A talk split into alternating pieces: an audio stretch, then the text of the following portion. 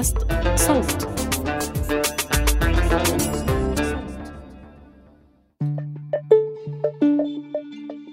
رسائل إلى سميرة. هذه الرسالة الخامسة عشرة ضمن سلسلة رسائل نشرت على موقع الجمهورية. يكتبها ياسين الحاج صالح لزوجته سميرة الخليل المخطوفة في دوما منذ عام 2013 يحاول فيها أن يشرح لها ما جرى في غيابها.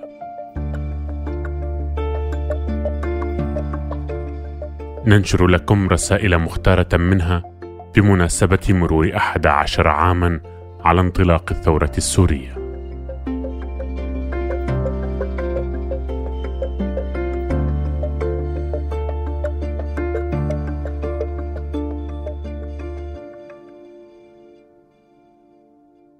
شايف القمر شو حلو؟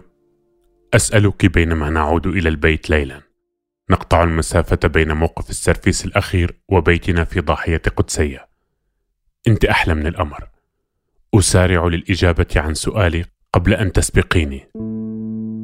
في مرات أخرى لا تتركيني أكمل السؤال. تكملينه أنت فورا بينما تعضين على شفتك السفلى ضاحكة وتغمزين. تترفقين بالمواهب الغزلية المتواضعة لشريكك التي تكاد تنتهي عند هذا الحد. تقولين باي حبوب وأنت خارجة. وانبسط حبوب. بينما أتصل بك لاحقا لأخبرك أني قد أتأخر في العودة إلى البيت ليلا. أو لا حبيبي ما بيلزم شيء حين أتصل وأنا راجع لأسألك إن كان يلزمك يلزمنا شيء أنت قادرة على بث الحب في كل شيء يا سمور. بكرم تفعلين. تفيضين بالحب. وكم يدفئ قلبي أن هذا الينبوع لم يكف عن التدفق في نحو ثلاثة عشر عاما قضيناها معا. تحبين القهوة من يدي. أجهز القهوة. وأمسح ما ينسكب منها كل مرة على الغاز. وأنوح مشتكيا بينما أقوم بذلك. الحياة صعبة. تتصنعين الحزن على طريقة الأمهات وتعلنين التضامن مع المتذمر الشاكي. نتكلم عن بعض يومياتنا. عما يصادف من أشياء يمكن أن تحكى. أشياء لا أهمية لكثير منها في الغالب. لكنها تصنع مجالنا الخاص. منها تهكم لا يخلو من لؤم على معارف وأصدقاء. تتذكرين السيدة اكتئاب؟ اللقب الذي أطلقناه على صديقة كانت سيماؤها مكتئبة غالبا. تتذكرين وين كون؟ اللقب الذي أطلقناه على صديق كانت أول كلمة تصدر منه حين يراك أو يراني هي وين كون؟ هذا اللؤم الحميد هو من بين أشياء كثيرة أفتقدها يا سمور. أشياء خاصة صغيرة تساعدنا على ترتيب عالمنا المشترك.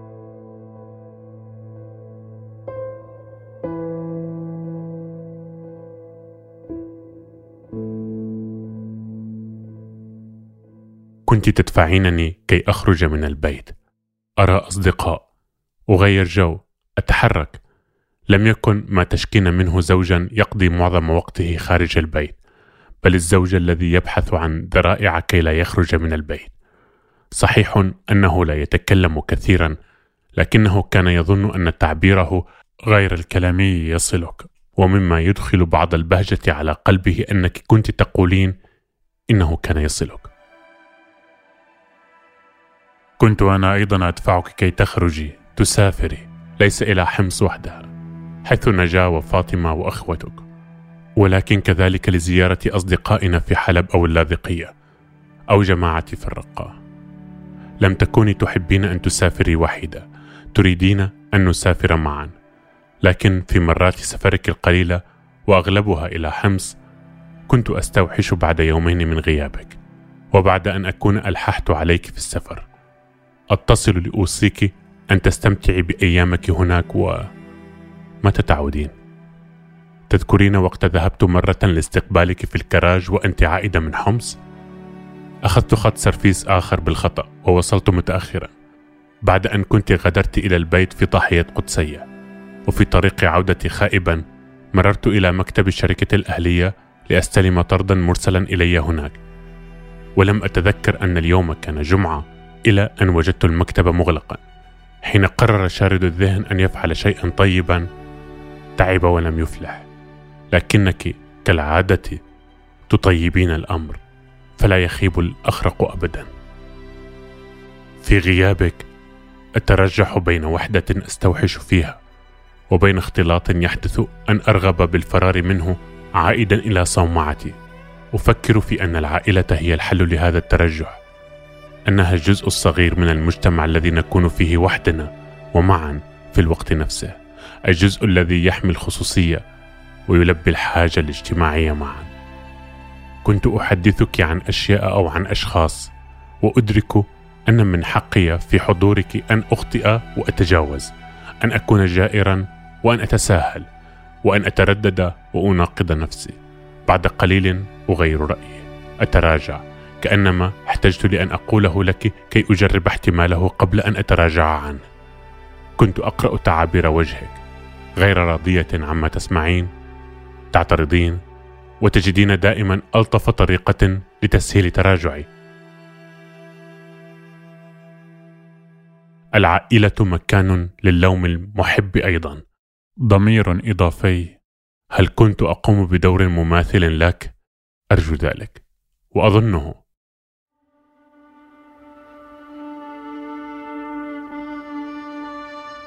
كنا نساعد بعضنا على التغلب على انفعالاتنا الأولى. كنت عائلتي يا سمور وكنت عائلتك. واحة من اثنين حلا للوحشة وللحاجة إلى الخصوصية معا. ضميرين لبعضنا. تجرحني وأعاقب نفسي بتذكرها. في كل وقت عبارة كان يصادف أن تقوليها للجارة وقت كانت تدق بابنا لتطلب منك أن تنضمي إليها في شرب المد. ياسين بالزيارة عندي. كان هذا تعليقا على أن المذكور يقضي الوقت بالأيام في غرفته. منشغل الذهن. يعمل ولا يكاد يتكلم. ولا يكاد يقول كلاما عاطفيا. أنحدر من قوم لا يجيد الرجال بينهم التعبير عما في قلوبهم. ليس حتما لاننا قساة يا سمور. أنت تعرفين ذلك جيدا. ولكن لأننا نستر هشاشه دواخلنا بالصمت لأننا نخاف ما يتضمنه الحب من انكشاف. حتى أننا صرنا نخاف من الحب ومن النساء فعلا. فهن مطلعات على ضعفنا الذي لا يمكن إخفاؤه عنهن إلى النهاية. ولا يبدو أنهن يحمين قلوبهن مثل ما نفعل. لاحظت مرارا وتكرارا أن النساء في بيئتنا وغيرها أشجع من الرجال وليس في الحب وحده. في غيابك تتوزع حياتي بين وقت للعمل أكون فيه وحيدا وحياة اجتماعية بين أصدقاء ومعارف ثم حياتي معك. هذه حين أكون وحيدا وهو الغالب لكنها تختلط بالعمل وحتى بالحياة الاجتماعية والعامة أحيانا. أتدبر أمر مزيج الحب والحزن حين تكونين معي وأنا وحيد. أتدبره بمشقة أكبر حين لا أكون وحيدا وخاصة حين يحدث أن أتكلم عنك أمام الجميع. ولا تكون الوحدة مكئبة أكثر مما حين أتسوق. أشتري طعاما ولوازم لبيتي كأنما في هذا الفعل من تعلق بالحياة يشحذ شعوري بالذنب في غيابك. أغص مثل أمي حين يكون أحد أبنائها غائبا. كانت لا تستمتع بطعام أو شراب تغص فعلا واحيانا يفرض الاكتئاب حضورا ثقيلا. لكن لا تشغلي بالك يا سمور. لم أصر السيد اكتئاب مثل صديقتنا المختفية من سنين. اكتئابي ظل للاستماتة. في غيابك مستميت أكثر من قبل. أفكر في أنه تتلاقى في الاستماتة الشجاعة والحزن. حزن لهول خسارتنا. نتقاتل ونحن نبكي. يعرف المستميت أنه لن يتوقف. يجد في داخله وفي صورتك في خياله وفي أصدقائه من الطاقة ما يساعده على الاستمرار. أرجو لاسمك أن يحيل إلى كفاح بطولي ومستميت أن يكون رمزا لصراع من أجل الحرية والعدالة والكرامة أن يكون الحزن مجرد لحظة في صراع شجاع وكريم. وأن تكوني غائبة هذا الغياب الأسطوري فهذا يجعل من قضيتنا قضية معرفة وحقيقة فوق كونها قضية عدالة وحرية. تعرفين أن ما كنت أطلب لنفسي هو المعرفة أكثر من أي شيء آخر. بعد غيابك صرت أتشكك في حكمة ذلك. ما يطلب هو الكرامة والحياة الكريمة وفعل الخير. هذا يفترض أن يكون غرض المعرفة ومعناها كذلك أن أبحث عنك أن أعرف عنك يلبي هذا المعنى يمنحه الدافع الأقوى ويجعل المعرفة فعل عدالة وكرامة فيما مضى ربما أخذني طلب المعرفة بعيدا جعلني لا أقر على حال لكن طلب المعرفة نفسه هو ما صرت أنت اسما له يا سمور. صار اسمك اسما لما أريد أن أعرف. أنت الغائبة المجهولة التي تطلب معرفتها. ربما تخلص المعرفة طالبها أو تدمره. لكن كابوس من يريد أن يعرف هو ألا يعرف. ألا يعرف أبدا.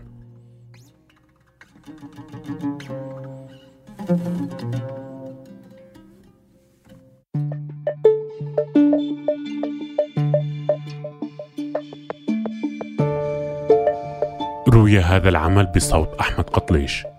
كنا معكم من فريق التحرير عمر فارس ومن المونتاج محمود أبو ندى.